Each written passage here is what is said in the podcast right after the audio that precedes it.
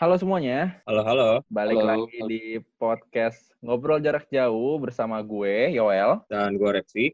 Dan hari ini kita mengundang tamu yang gimana? Jadi seperti yang kalian tahu kan kita lagi ada dalam campaign dari jauh aja nih. Berhubung COVID, terus kita self quarantine. Jadi kita melakukan segala kegiatan tuh dari jauh. Kemarin kita buka dengan aktivitas dari jauh bareng Rania sama Sheila. Terus kita bikin juga ada berbisnis dari jauh bareng eh, Mas Riki dari Ki. Dan hari ini kami mengundang yang apa ya? Seorang teman, seorang rekan, seorang dia foto juga, punya teman-teman yang hits-hits juga, dan dia punya coffee Anjay. shop. Anjay, namanya Jeremy Jarel. Boleh perkenalkan diri dulu Bapak Jarel? Um, halo semua, gue Jeremy Jarrell. Ya seperti yang Yoel udah udah perkenalin tadi, eh gue lagi mencoba running a coffee shop namanya Angan Bipik gitu. Ya kira-kira begitulah. Angan udah jalan berapa lama ya? Satu tahun lebih ya? Kita udah ya setahun lebih. Kita mulai di Januari akhir Januari tahun lalu sih 2019 ya. Oh iya. Wah iya, gue gue inget banget tuh. Gue meninggalkan Kinfolk yang sekarang udah hancur. Yo, Waduh, saya banget info hancur. iya, majalah Oh, Kinfolknya. gimana orang-orang cukup barbar. iya, aduh. Barbar Jadi banget. foto segala ya. tapi jadi banyak di di kalau lu tag eh, pencet tag angan gitu itu kinfokus semua kayaknya banyak banget gue iseng gue tulis username IG gue siapa tahu kalau orang stumble upon kan kayak lah ini apaan nih Oh. orang nulis? Gue iseng doang. Terus gue kayak ngeliat lah ini masih ada lagi kinfolknya udah sobek-sobek ya nggak apa-apa lah. Ntar gue bawa kinfolk baru lagi deh. Wah sih. Kalau boleh tahu nih eh kenapa lu bikin coffee shop at first? Um, first of all kenapa coffee shop ya? Basically tadinya tuh gue pikirin kan karena tren kopi susu sebenarnya gue mau jam into kopi susu tau gak sih? Setelah gue pikir-pikir lagi ya udahlah coba coba tap in into the specialty coffee gitu karena gue juga gue dari dulu even sebelum kenal kopi gue sering ke coffee shop. Hmm. dan itu start uh, gua juga jadi apa ya gue suka foto juga gara-gara ke coffee shop gitu gara-gara keliling cafe hopping gitu. And then kalau belajar juga di coffee shop I think I think coffee shop punya tempat yang cukup spesial asik di hidup gua gitu. Jadi kayak I think might as well start one gitu loh. Coba aja gitu belajar. Startnya sama ya kayak kadang-kadang orang kayak wah gue suka foto menjadi fotografer lah. Gue suka kopi Iya. ya gue pengen punya coffee shop. Ini lu punya apa ya kalau yang gue lihat tuh eh, lu suka foto terus lu suka kopi dan lu mengcombine dua hal itu jadi coffee shop yang lo sendiri cozy kerja di situ dan instagenic juga. Maksudnya ada foto spot lah yang lu juga mungkin bisa foto di situ dengan bagus gitu kan. Karena yes, yes. ya kita tahu lah angan gue udah berkali-kali ke sana entah foto entah kerja entah cuma nongkrong doang ya. Kita nggak tahu ya gue gue sebenarnya tidak suka membandingkan. Cuman kalau ngelihat sekitar tuh kayak gue lebih memilih angan pertama karena gue kenal elunya. Kedua Hmm. karena ya nggak tahu ya cozy aja gitu. Terutama spot jendela itu. Dia gue merasa angan tidak terlalu besar dan tidak terlalu kecil gitu. Pas lah. Kayak Oke. pasangan. Anjay. Halo. Kan kebetulan karena karena angannya pas jadi pasangan. Aduh, oh iya tuh. Ah. Gila gila angannya Gue pas ngerti, gue ngerti. jadi pas angan men. Aduh. Halo. gila ini best banget. Nah Kayaknya itu Terkait dari- juga so terkait dari situ kenapa namanya angan? Ya ya karena itu tadi karena kan eh, pas Jadi karena gua eh, mulai hobi foto yang sampai gua sempat kerja full time foto itu dari karena gua sering ke coffee shop gitu. Uh, one of the reason. And then um, gue pikir juga ke coffee shop orang ngapain sih gitu. Banyak orang yang belajar juga ngerjain tugas, maybe start a new business gitu loh kayak meeting-meeting sama partnernya dia, mungkin kan belum ada kantor, jadi end up di coffee shop. Ya gue pikir coffee shop tuh bisa bantu orang gitu loh. Dan adanya coffee shop tuh bisa bisa jadi tempat yang yang buat orang-orang yang punya angan tentang masa depannya mereka gitu. Supaya mereka bisa bisa execute, execute their ideas gitulah. karena itu Oke. password wifi-nya ya itulah Iya. password Jangan lu wifi sebar di sini. shop yang gue gue ini spontan banget ya gara-gara tiap orang nongkrong ke angan terus gue ajak nongkrong atau apa kalau ada orang nanya password wifi-nya apa ya. Sebelum nanya ke barista gue udah jawab dulu. Kata gue udah apal kayak pip gitu password wifi-nya udah, udah di otak gitu. Tapi itu dengan apa ya? Gue pengen banget sebenarnya em, awalnya gue pikir kalau misalnya eh, angan udah oke, gue akan tap into the the the apa ya? The Kopsus market gitu loh. Hmm. Dengan nama dengan at first. Tapi kayaknya nggak bakal pakai gitu deh. Nggak ada yang tahu sih. Iya. Karena kan iya. Iya, iya. Ini dengan tidak Oh by the way, uh, passwordnya gue kasih tahu aja ya. Passwordnya dengan angan. Jadi Akhirnya dibocorkan saudara-saudara. Passwordnya dengan angan. Jadi tapi keren sih kalau Oke. misalnya nama, nama minuman kopinya kopi dengan. Oh bukan dengan angan. Beuh kayak sah sah digocek gitu kan. Oke lah, sekarang kita. It's just an idea. ya nice nice. Kayak yang lu bilang tadi, lu tap in ke bisnis kopi susu. Mm-mm, Terus eh, dengan adanya si COVID, otomatis kan lo harus tap in. eh, mungkin ini udah lo planning dari awal tuh. Kayak ini kan sebenarnya plan awal lo nih bikin kopi susu. Maksudnya kopi yang Mm-mm. dalam bungkusan, cuman gojek-gojek gitu. Eh, yes, ya. Iya lewat ojek online. Dan sekarang akhirnya lo menjalankan itu dengan dalam tanda kutip eh, terpaksa keadaan gitu. Mm-mm.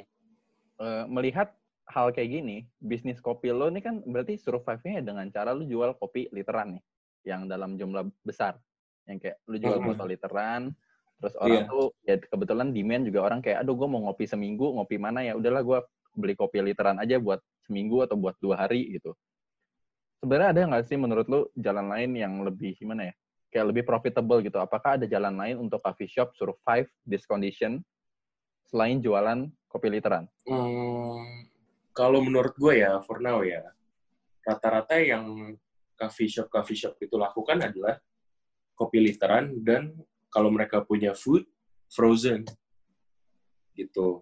Em, mungkin buat bikin jalan stoknya dan di rumah orang jadi bisa ke satu orang juga lagi butuh kegiatan banget kan masak-masak orang lagi happy banget kan ya mungkin buat buat gitu juga gitu tapi so far sih ya em, so far sih karena demand eh, teman-teman juga.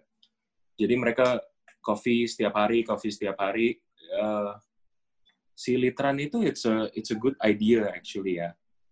Karena rata-rata jualannya em, jadi lebih murah lebih murah apa dibanding lu setiap hari ke coffee shop rata-rata harganya sih lebih murah ya. Kecuali beberapa beberapa ada yang malah naik harganya.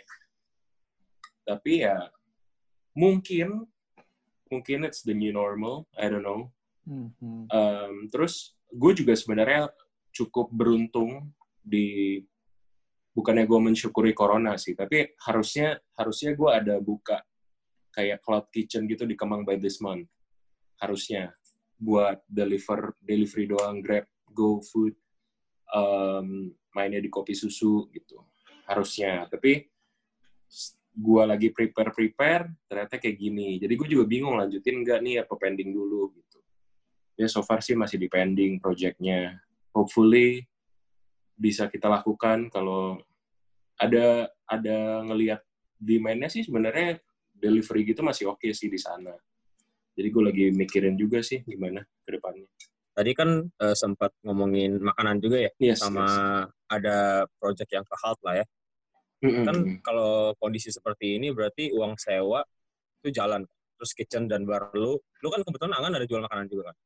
yes Ya, terus kitchen dan bar lu tetap jalan, tapi dengan kondisi seperti ini lu otomatis terpaksa harus tetap jual kopi literan doang gitu dan otomatis customer berkurang gitu kan anggapannya. Iya, jadi kan eh, ya karena keadaannya kayak gini, kita nggak bisa ada orang dine in juga kan. Terus gue juga dalam keadaan sulit waktu itu. Jadi gue end up gue lay off pegawai gue. Em, walaupun hopefully gue bisa tarik balik, tapi eh gue nggak tahu juga sih. Cuman gue pikir karena gue takut juga kan. Tempat gue tuh nggak Iya. gitu besar. It's ruko gitu 5 kali 12 itu nggak terlalu besar. Kitchen sama bar. Kalau misalnya gue jalan semua, gue ada karyawan.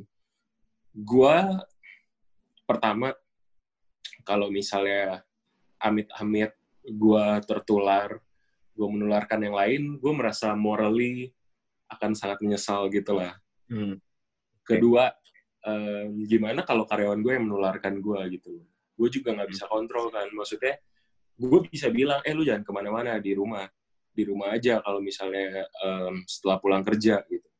Tapi lu nggak akan tahu gitu. Maksudnya, gue juga nggak mau suatu saat menyalahkan mereka karena kenapa-napa gue nggak mau gitu. Jadi, ya udah gue cuma kerja berdua sekarang sama sama manajer gue Em, kita bikin kita bikin resep eh, kopi susunya, cold brew-nya, hojicanya, jahe serehnya, produk yang kita lagi jual literan itu. Eh, bar- eh, jadi sekarang kita jualin itu dulu sih. Selain eh, hal-hal yang tadi lu sebut, ada lagi nggak yang menurut lu kira-kira akan lu lay off ke depannya gitu untuk untuk untuk kopi gitu? So far sih enggak ya. Maksudnya, ya gue juga sebenarnya sih karena kita semua takut nih. Kita nggak tahu kapan eh, ini semua berakhir. Ya. Kan. Em, kita ada yang bilang sampai akhir tahun. Presiden bilang kalau tegas bisa Juli. Yang gue juga gak yakin Juli udah beres gitu loh. Gue gak yakin sama sekali. Em, jadi ya ya so far sih segini dulu aja gue udah cukup em, angan timnya udah lean enough eh, untuk kerjain ini gue mau maximize ini ya let's see lah eh, ke depannya gimana Tuh. Oke. Kalau dilihat dari kondisi setelah lu lay off beberapa hal gitu dari em, aspek Mhm. bisnis angan gitu ya. yes Eh, apakah dengan itu em, sales nih atau penjualannya tetap stabil gitu di angan? Em, surprisingly ya eh, penjualan kopi susu kita itu eh, mulai naik. Gue baru jualan dua minggu dan increasingnya tuh dari minggu pertama ke minggu kedua itu double gitu. Jadi it's on the right track sih. Gue masih gue masih butuh kenalin produknya lagi juga buat buat makin banyak target marketnya. Em, terus ya sales kita sih di minggu-minggu ini itu kayak kalau misalnya kita operate normal as a cafe eh, masih di kayak bad day-nya kita lah gitu loh. It's a bad sales kalau daily daily daily eh, operational gitu. Eh, cuman kan karena udah lean banget nih, udah nggak perlu nyalain AC buat customer gitu-gitu kan. Jadinya ya it's pretty Hmm. good sih. Um, ya hopefully bakal naik lagi di minggu-minggu ke depan. Dan gue juga apa ya? Gue jadi bisa tap ke orang-orang yang nggak sehari-hari minum angan gitu. Karena kan orang-orang di rumah kan. Kalau biasa kan mungkin mereka tiap hari ke kantor di pusat. Mereka beli kopi ya biasanya di kantor kan on a daily basis gitu. Cuman ya gara-gara seperti ini mereka dari rumah ya pada beli literan di gue gitu. Makanya gue bisa masih bisa dapat eh, marketnya gitu. Daripada beli repeat jadi ya udahlah. Oke. I think I think my customers are happy with the product gitu. Terus eh, balik lagi tadi soal eh, ngomongin makanan juga nih, kan lu di situ ada makanan ya. Lu apakah, gua nggak tahu nih, Angan sudah mulai jualan frozen food atau belum? Hmm, kita belum sih, cuman Belum ya? em, belum belum. Gue sih sebenarnya ya gue mau menahan dulu. Gue juga mikir mau mau jualan makanan apa enggak. Ada keinginan, tapi I think gue mau gue mau kuatin si angan ini di kafenya gitu loh, di minumannya gitu. Jadi orang-orang Oke. em, orang-orang gue pengennya orang-orang tahu em, oh minumannya enak nih gitu. Terus kalau eh, berarti kan stok makanan numpuk ya? Overstock gak? eh sebenarnya sih ya masih ada sih. Numpuk nggak terlalu banyak cuma ada.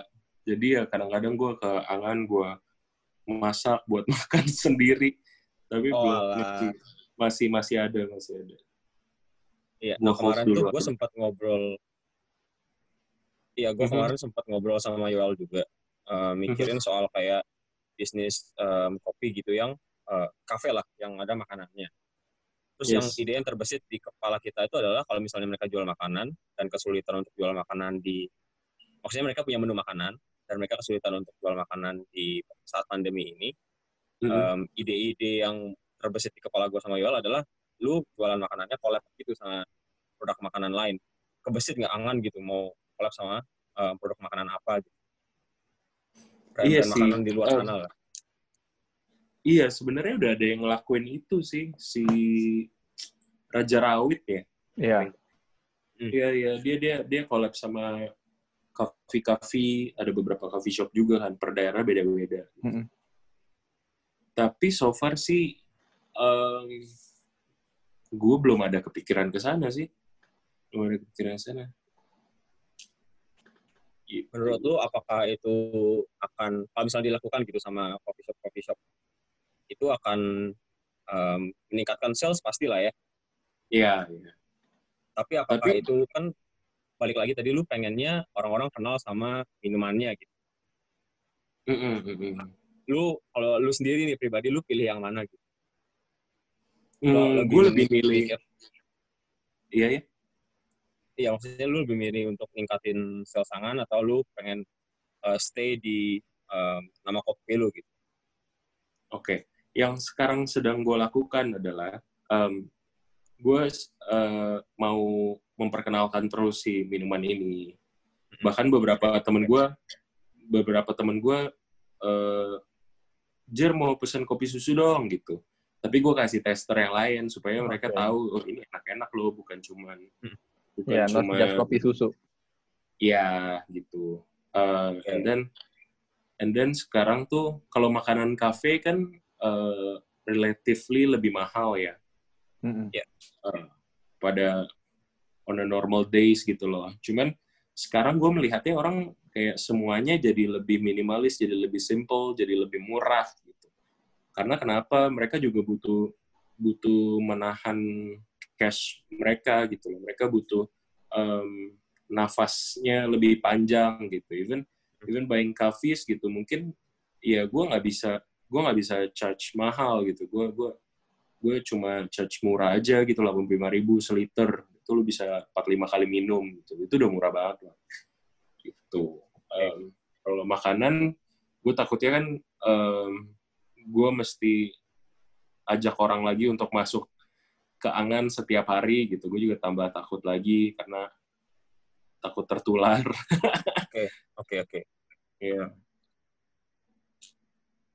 Terus dari uh, pandangan lu sebagai uh, pemilik kafe nih, kan um, yang support lu uh, harusnya berarti ada dari sisi roastery-nya juga, ada dari Mhm. sisi um, uh, yang nyetokin makanan-makanan mentahnya, gitu kan. Iya.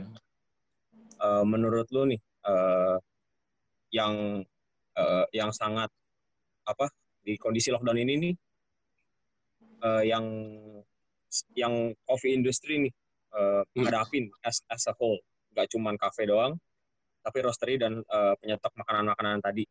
Itu cara Hmm. overcome-nya gimana nih menurut? lu? Cara overcome-nya ya.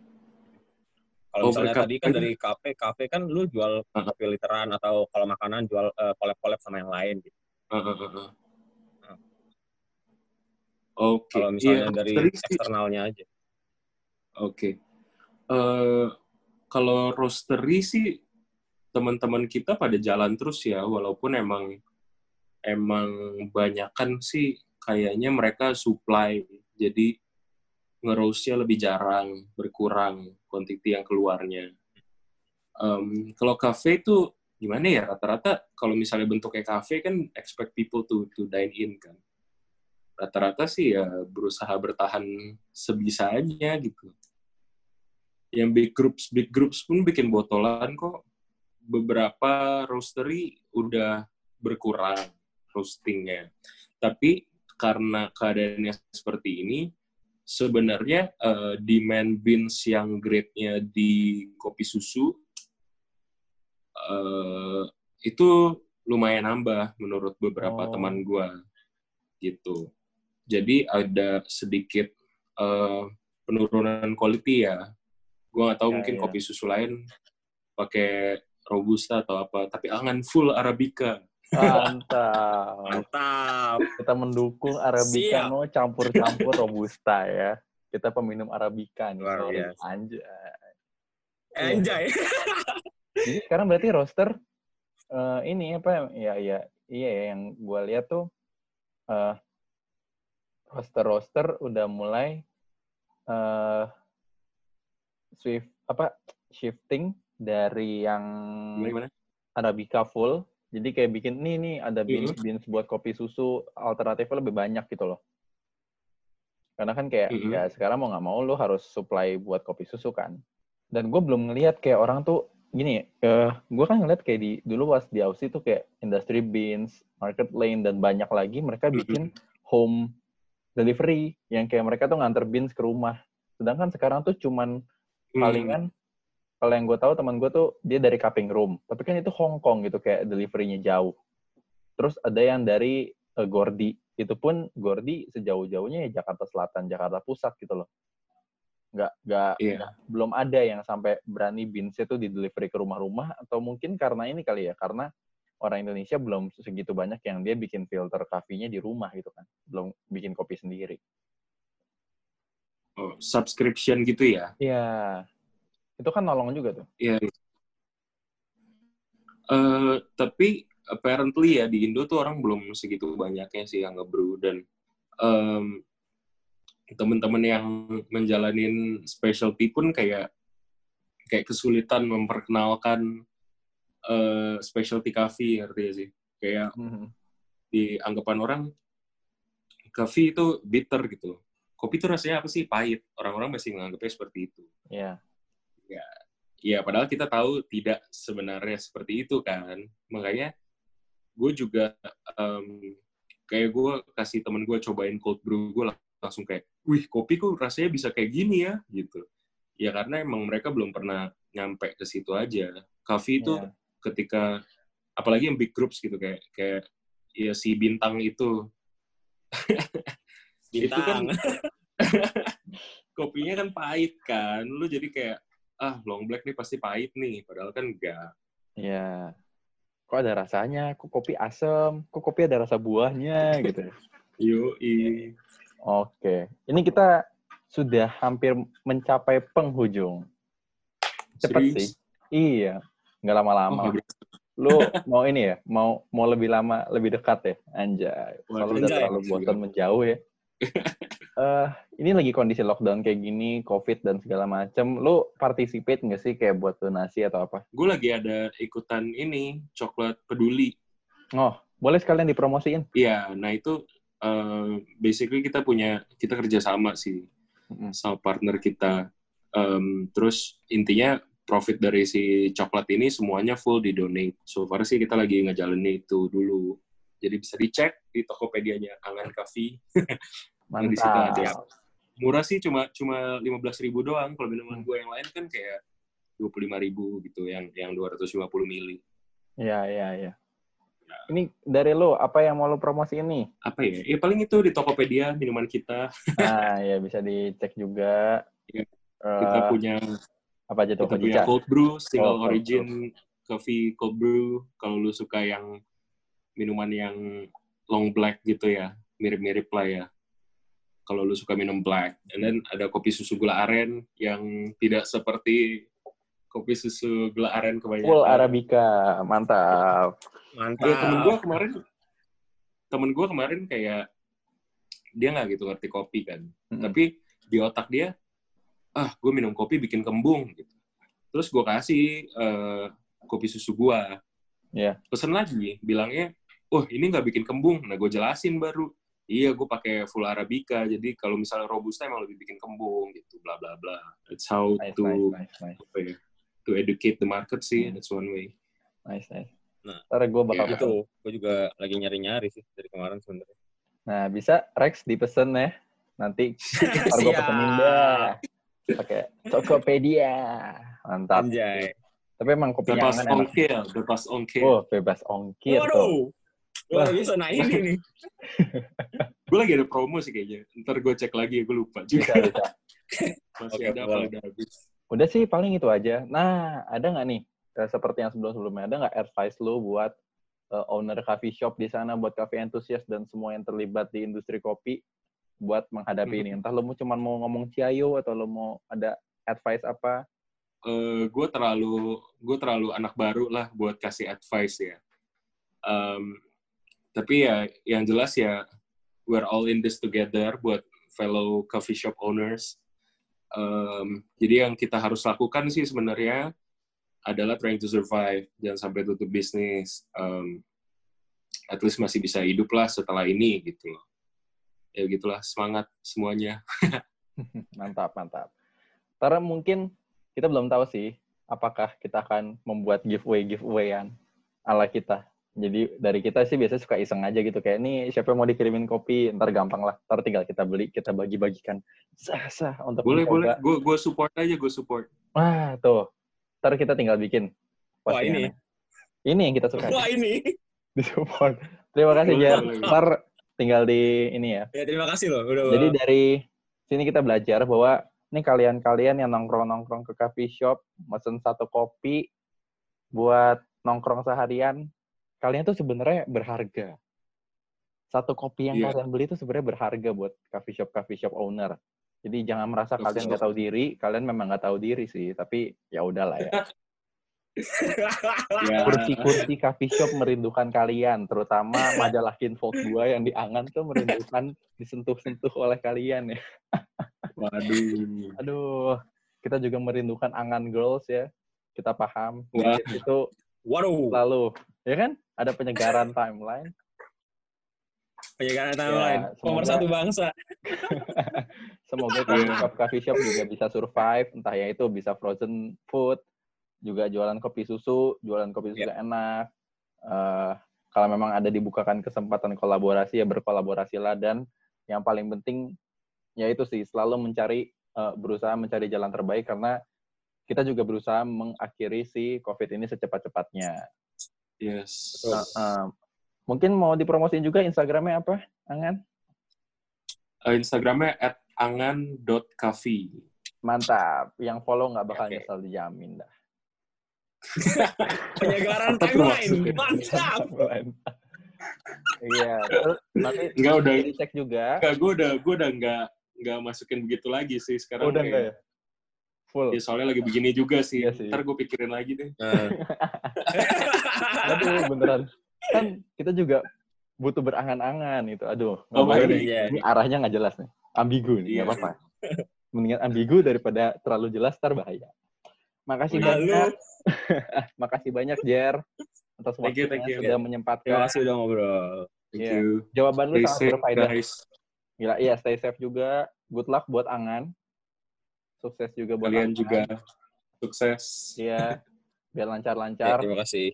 Oke. Sekian dulu buat Amin. podcast kali ini. Jangan lupa follow Instagram kita @jauh. Punya lima. Mantap.